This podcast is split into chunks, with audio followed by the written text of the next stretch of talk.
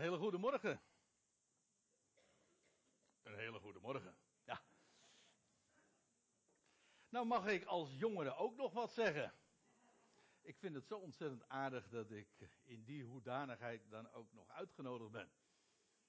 Of was het om het uh, Amersfoort kartel te doorbreken? Ik weet het niet. Maar in ieder geval, uh, in aansluiting op wat zojuist door uh, Thijs is verteld en naar voren gebracht over communicatie en over de woorden die je met elkaar spreekt, wil ik het op een wat andere boeg gooien. Dat wil zeggen, uh, de andere kant van het verhaal. Want Thijs had het vooral over het spreken met elkaar. Hoe doe je dat? Welke toon sla je daarbij aan? Wat zeg je wel? Wat zeg je niet? Nou ja, dat soort vragen. Ik mag het uh, nu hebben. In deze toespraak, die ik moet beperken tot een kwartier, 20 minuten. Dat uh, is een hele opgave, ja. Maar ik ga mijn best doen. Oh, ik, misschien is het wel handig om een. Nee, toch niet. Ik zie daar een klokje. Ik mag wat vertellen over hoe wij spreken en wat wij zouden zeggen tegen buitenstaanders.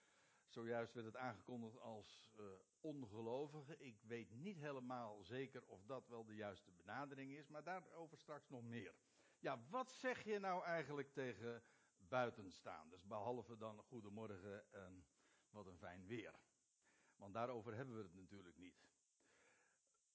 En ik wil daarbij gewoon eventjes wat systematisch aanpakken. Uh, hoe zeggen we dingen tegen elkaar? Of nee, niet alleen tegen elkaar, maar ook tegen die buitenstaanders. En wanneer zeg je wat? Wat is nou eigenlijk het moment dat je uh, zou gaan spreken over de dingen die er werkelijk toe doen? Is dat zomaar altijd?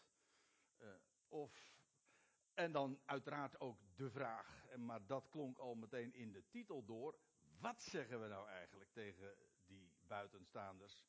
En misschien nog wel de allerbelangrijkste, uh, waarom? Ik ga trouwens niet in deze volgorde dat zo aanpakken. Ik heb het anders uh, aangepakt en dat wil ik doen aan de hand van Colossense 4. Dat is een brief die Paulus heeft geschreven aan een gemeente in het huidige Turkije in het plaatsje Colosse, dat trouwens tegenwoordig al niet eens meer bestaat.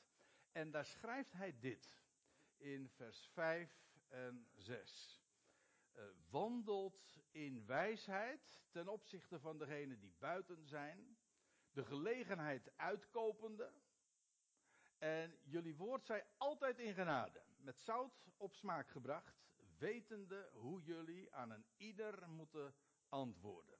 En ik wil dat stap voor stap eens uh, doorlopen. Wat, wat staat hier nou eigenlijk? Want hier vinden we, als je het mij vraagt, een hele duidelijke, concrete aanwijzing uh, voor de vraag ja, die in de titel doorklonk. Wat zeggen we nou eigenlijk tegen buitenstaanders? Wat is daarbij van belang? Want hier worden een aantal dingen naar voren gebracht die allemaal stuk voor stuk daarin heel elementair zijn. Nou, om dat dan kort en bondig aan te pakken, laten we dat gewoon dan eens zo versdeel voor versdeel bezien.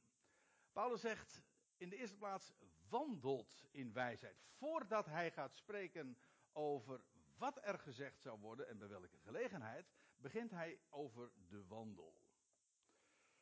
Het gedrag. We weten allemaal dat als we het hebben over communicatie, dat het grootste gedeelte daarvan uh, niet verbaal plaatsvindt. Dat wil zeggen, communicatie is maar voor in feite, voor een klein deel bestaat dat uit de woorden die we met elkaar wisselen. Er bestaat uh, voor het grootste gedeelte eigenlijk over uit, zoals we dat dan noemen, non-verbale communicatie, lichaamstaal. En op allerlei manieren kunnen we een boodschap uitzenden zonder zelfs dat we ons daarvan bewust zijn. En Kijk, dat heeft dus te maken met de wijze waarop je je opstelt, je gedrag, je houding, je wandel. Eigenlijk je wandel, dat is een samenvatting van alles waar je uh, gaat en staat En in de MBG-vertaling staat dan: uh, gedraag je dan in wijsheid, als ik me niet vergis. Dat is de wandel, je gedrag. Want ook daar gaat een sprake van uit. En er is een Engels spreekwoord dat zegt, nou een spreekwoord, een Engelse frase dat, dat, dat luidt: Walk your talk. Dat wil zeggen, leef dat wat je zegt. Want er is niets wat zo vloekt als uh, en aan de ene kant dit zeggen en aan de andere kant dat doen. Als dat niet matcht, als dat niet overeenkomt, als dat niet hetzelfde uitstraalt en hetzelfde zegt, ja, dan, uh, dan heb je echt een communicatieprobleem. En daarom is deze aanwijzing, wandelt in wijsheid, zo van belang. Onze wandel is, doet er namelijk wel degelijk toe. Het, waar het vooral om gaat, is dat onze wandel in overeenstemming is met dat wat we uit willen dragen. Maar daarover straks meer. Zorg ervoor dat dat één is. Ik bedoel natuurlijk daar niet mee te zeggen dat je een perfect leven hebt of dat wij uh, dat ook maar bij benadering zouden kunnen bereiken. Daar gaat het niet om. Maar zorg dat er een eenheid is tussen dat wat je zegt en dat wat je leeft. En doe dat in wijsheid. En ik denk dat dat alles ook te maken heeft wat, met wat Thijs al uh, aangaf over die, dat, dat woord uh, opbouw. Wijsheid, dat is wat anders dan wet. Het gaat er niet om dat je de vraag iedere keer stelt van uh, wat mag wel, wat mag niet. Trouwens, daar was Paulus al heel erg kort over ooit. Een andere brief, daar zegt hij alles is geoorloofd, dus daar hoeven we het verder niet meer over te hebben. Maar niet alles is nuttig. En dan definieert hij dat nog wat preciezer. Wat is nuttig? Niet alles bouwt op. Hé, hey, daar hebben we hem weer. Wat is nuttig? Nou, dat is wat opbouwt. Dat is wijs. Je hebt je dus ook in je gedrag, in je wandel, de vraag te stellen: ja, levert dat inderdaad uh, dat iets op? En dat niet alleen, maar bouwt dat de ander op? Niet eens in de eerste plaats jezelf, maar ook bouwt dat de ander op. Wandel in wijsheid. Wijsheid heeft altijd te maken, nou, niet alleen maar met inzicht, maar vooral ook met, met uitzicht en met overzicht. Dat je weet wat je doet. Wandelt in wijsheid, dat is het eerste. En dan wordt dit nog wat nader uh, aangegeven door de woorden ten opzichte van degene die buiten zijn. Dus hoezo wandelen in wijsheid? Nou, dat is van belang omdat je te maken hebt met de mensen die buiten zijn. Kijk, wij denken soms misschien dat het, uh, als we het hebben over geloof, dat is iets wat je met elkaar beleeft. Maar voor Paulus was dat niet zo. Nou, nou overdrijf ik natuurlijk een beetje. Maar ik bedoel het, dit te zeggen. Geloof is maar niet een interne aangelegenheid. Iets wat je met elkaar deelt en waar je elkaar uh, het een en ander over kan melden. En waarin je op dingen kunt wijzen. Prachtig, uiteraard. Maar het gaat erom dat wij een woord hebben voor de wereld. De buitenstaanders. Ik zei uh, bij het begin al eventjes dat ik dat niet helemaal gelijk zou willen stellen met ongelovigen. Ik denk dat we veel te makkelijk zijn met het gebruik van het woord ongelovigen. Buitenstaanders, dat zijn degenen die buiten staan. Dus je hebt aan de ene kant degene met wie je het geloof deelt. Het geloof in het evangelie, het geloof in het woord van God. En oké, dat, is, dat zijn degenen die binnen zijn. In, uh, in de brieven vinden we wel, wel vaker zulke aanduidingen. En degenen die daar geen deel aan hebben, ja, dat zijn dus degenen die buiten staan. De buitenstaanders, de outsiders, of hoe je ze ook maar noemen wilt. Dat hoeven dus, zoals gezegd, niet per se ongelovigen te zijn. Kijk, een ongelovige, dat is iemand die iets niet gelooft. Maar je, om iets niet te geloven, moet je het eerst gehoord hebben, toch? Dan pas kun je het afwijzen. Wij zeggen, wij plakken het woordje ongelovige te gemakkelijk zomaar op iedereen die niet gelooft. Maar ik durf te beweren dat verreweg de meeste die wij ongelovigen noemen helemaal geen ongelovigen zijn. Ze zijn volstrekt onwetend. Ze hebben het nooit gehoord. Dat onderscheid wordt trouwens in de brieven ook wel uh, in de brieven, zoals we die in uh, het Nieuwe Testament aantreffen, vaker gemaakt. Paulus spreekt bijvoorbeeld in 1 Corinthië 14, voor degenen die het willen controleren, over onwetenden en ongelovigen.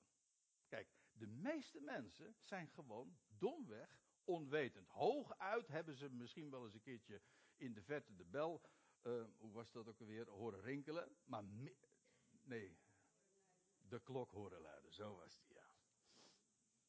Een belletje horen rinkelen en een lampje zien branden. Ja, nee, maar zelfs nee, dat, dat lampje hebben ze dus niet eens zien branden. Maar het gaat erom, ze hebben misschien in de verte wel eens iets gehoord, maar daarmee zijn ze nog steeds volstrekt onwetend. Daarom gebruik ik uh, het, uh, het woord degene die buiten zijn. De meeste zijn onwetend. Eigenlijk, als je het eventjes op deze uh, tour verder gaat, zijn ongelovigen. Wat hebben wij tegen ongelovigen te zeggen? Nou, het antwoord is eigenlijk heel weinig. Want we hebben namelijk al wat gezegd en dat geloven ze niet. Ja, wat moet je ze dan nog vertellen? Ja, dat is een, is een heel andere insteek. Dus mensen die niet geloven, ja, daar, nou ja, dat uiteraard respecteer je dat. Per slot verrekening, het is al gememoreerd. Maar God is degene die ook daar geloof geeft. Maar hoe doet hij dat? Ja, door horen. Een gelovige kun je alleen maar zijn doordat je eerst iets gehoord hebt. Toch? Je hoort een woord en dat zegt, ah, dat is het. En dat kwartje valt, als God het geeft. En soms valt het nog niet, want uiteindelijk, dat is het mooie van dat wat wij weten. Uiteindelijk valt het kwartje bij iedereen. En dan gaat iedereen van harte God beleiden en dan vallen ze allemaal op de knieën. Dus eigenlijk zijn uh, alle mensen, al die buitenstaanders, zijn nog geen gelovigen. Of gelovigen in spe. Hè? Of nou ja, aspirant gelovigen. Dat is een, uh, dat is een heel triomfantelijke idee.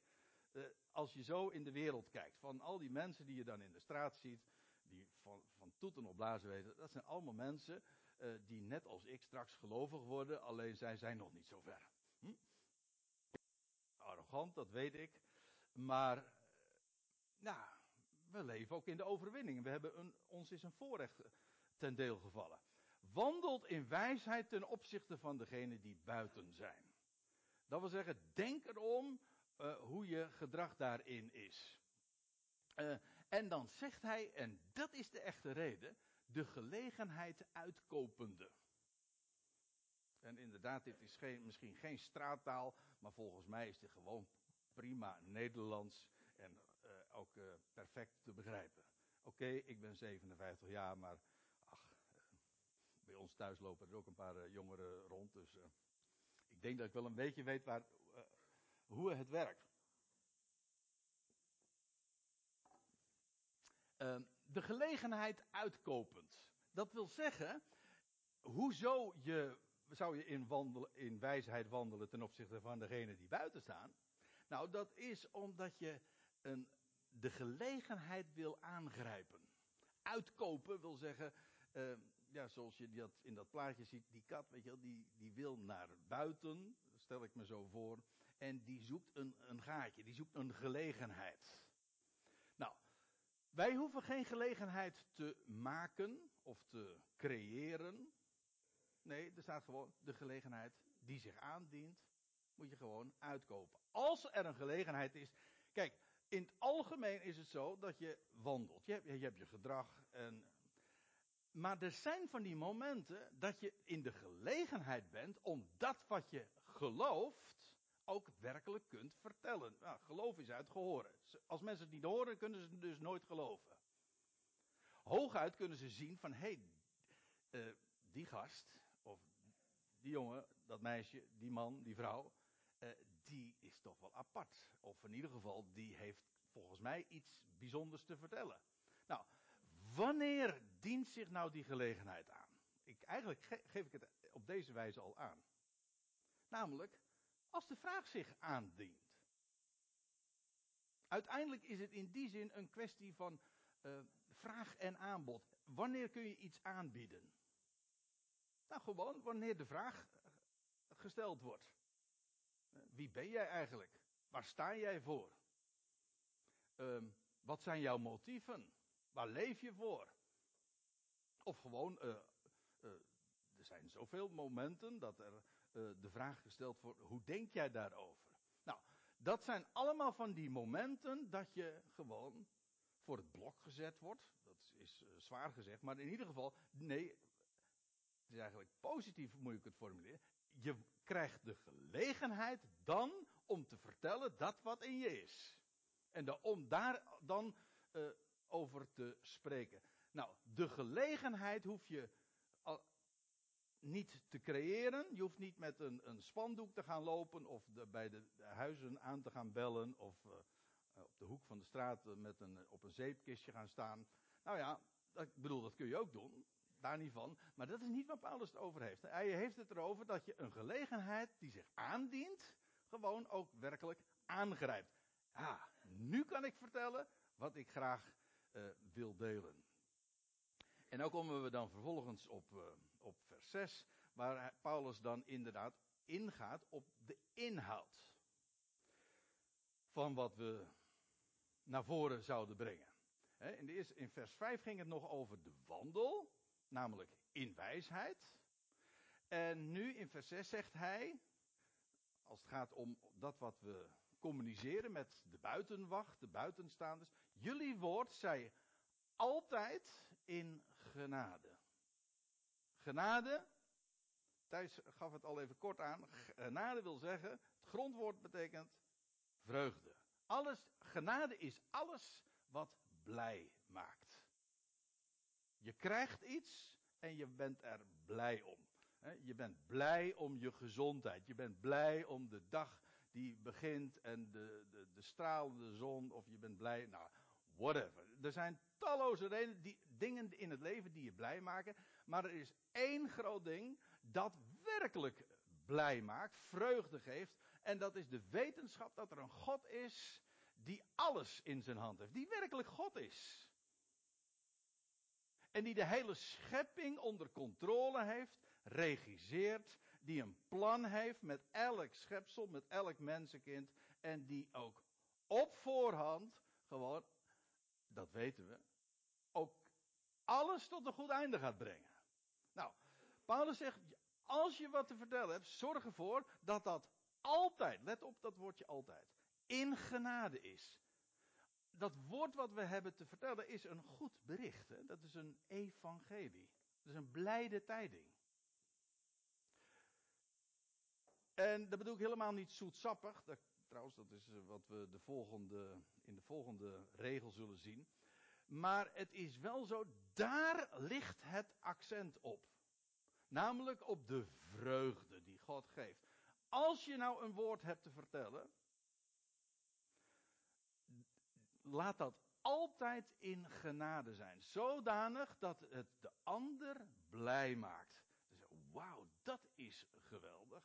Dat is groot. Ik, ik heb te vaak uh, dat ik, uh, ja, als ik wel eens een keertje dat op de radio hoor of de televisie zie of ik lees dat in, in, in een tijdschrift, in een interview en dan wordt er iets gedeeld over de dingen van de Bijbel of over geloof. En dan denk ik van, maar dat is geen woord in genade natuurlijk.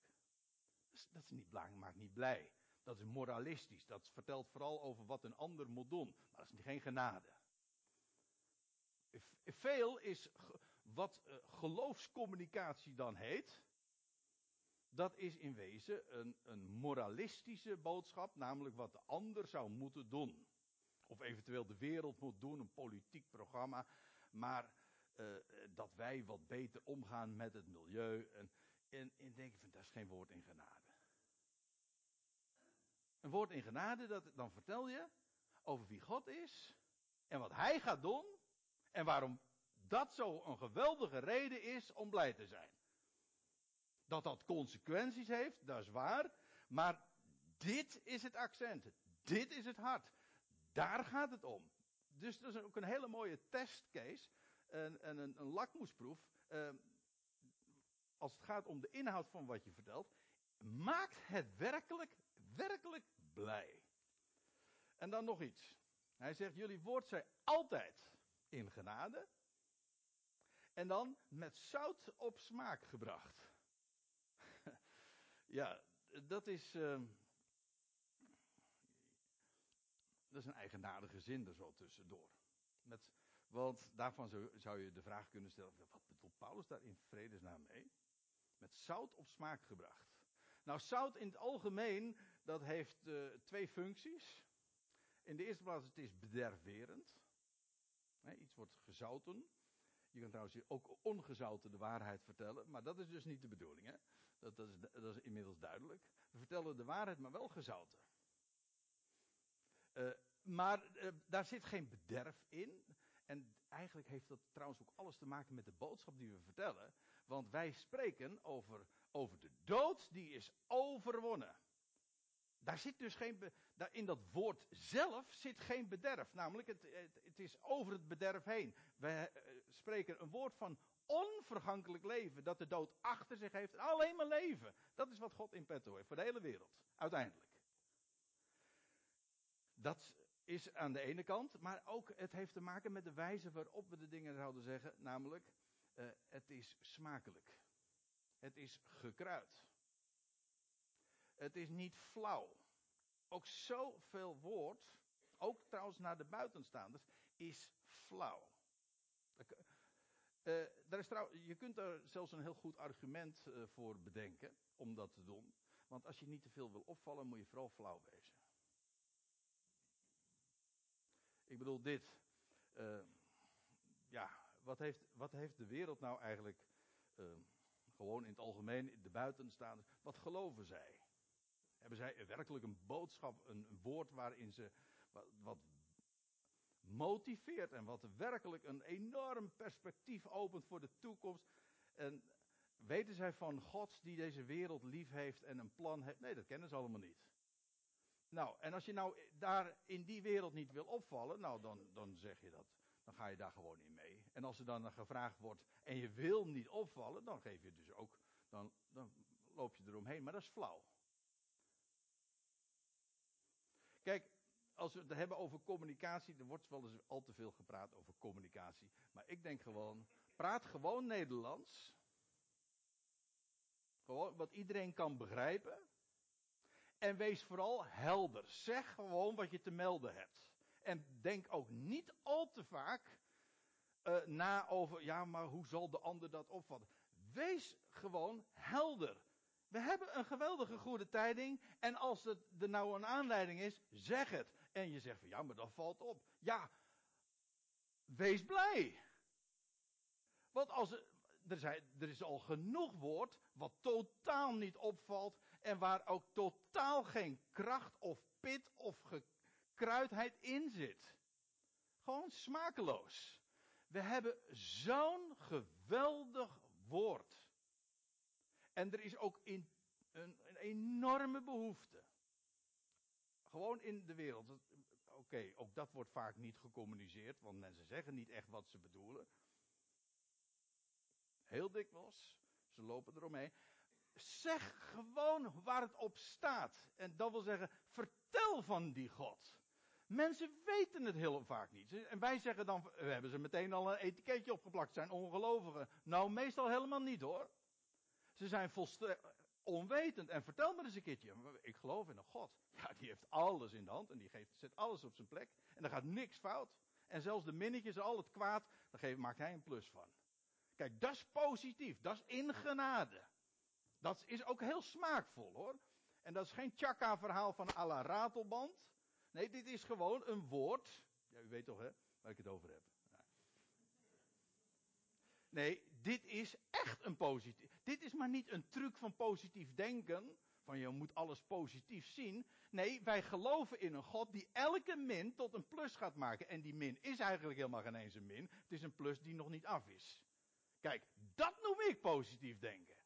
Nou, vertel het maar. De mensen weten het niet. En er zijn zoveel mensen die, ook trouwens jongelui hoor, die echt, die eigenlijk totaal uh, in de put zitten, ook dat niet durven vertellen, want ja, het uh, dat is niet hip. Hè? Het moet allemaal voor de wind gaan. Ja, maar dat komt omdat ze hebben ook geen woord, geen echt inhoud. Ik bedoel dit te zeggen. Zeg het gewoon. Vertel van die ene God, want dat is het enige wat echt ter zake doet. En al, al het andere in de wereld, en nou zeg ik het even extreem, is in feite volstrekt onbelangrijk ten opzichte van dat. doet niet ter zake. Er is maar één ding echt van belang. En dat is die God te kennen. Spreek erover. Kijk, dat is smakelijk. Kom uit de kast, zeg ik dan. En blijf er niet in zitten. Kom er. Dit is echt een woord waar je mee voor de dag kan komen. En oké, mensen kunnen het afwijzen en kunnen zeggen: jij bent gek. Nou, mooi. Fijn. Hm? Je zal toch maar normaal wezen, denk ik dan, in, de, in deze wereld.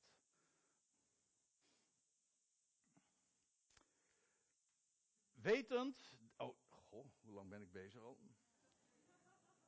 Uh, dit is het laatste. Ik ben het helemaal niet gewend, hè? Uh, om, om 20 minuutjes te spreken. Maar nog even dit. Want de, jullie woord zijn altijd in genade, met zout op smaak gebracht.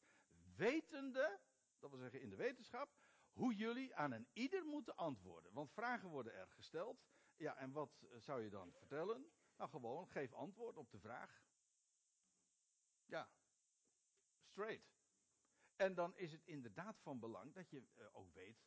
Uh, niet, dat je niet alleen maar weet waar. Uh, dat je de klok hoort luiden.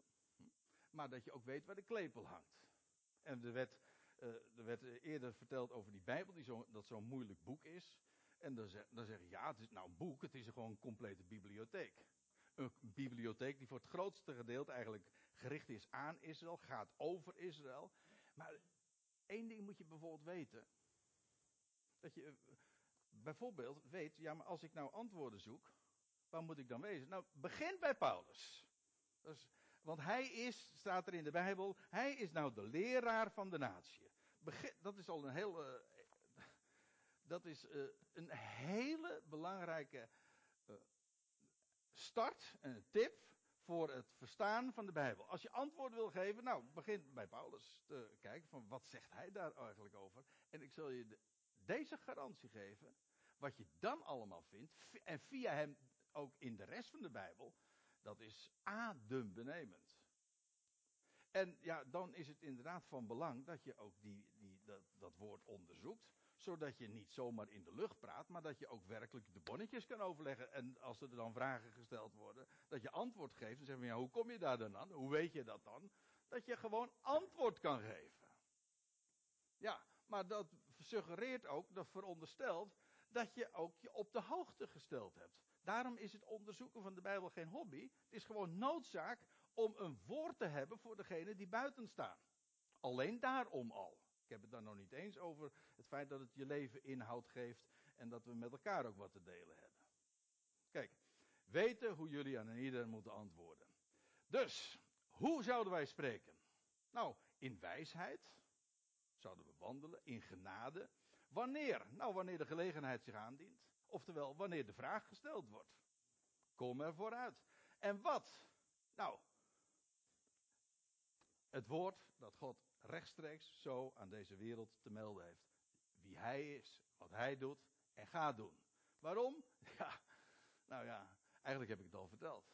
Dit is zo'n geweldig, adembenemend, fantastische boodschap. Werkelijk een goed bericht. Daarom zouden we het vertellen. En dat is wat wij aan buitenstaanders allemaal hebben te melden.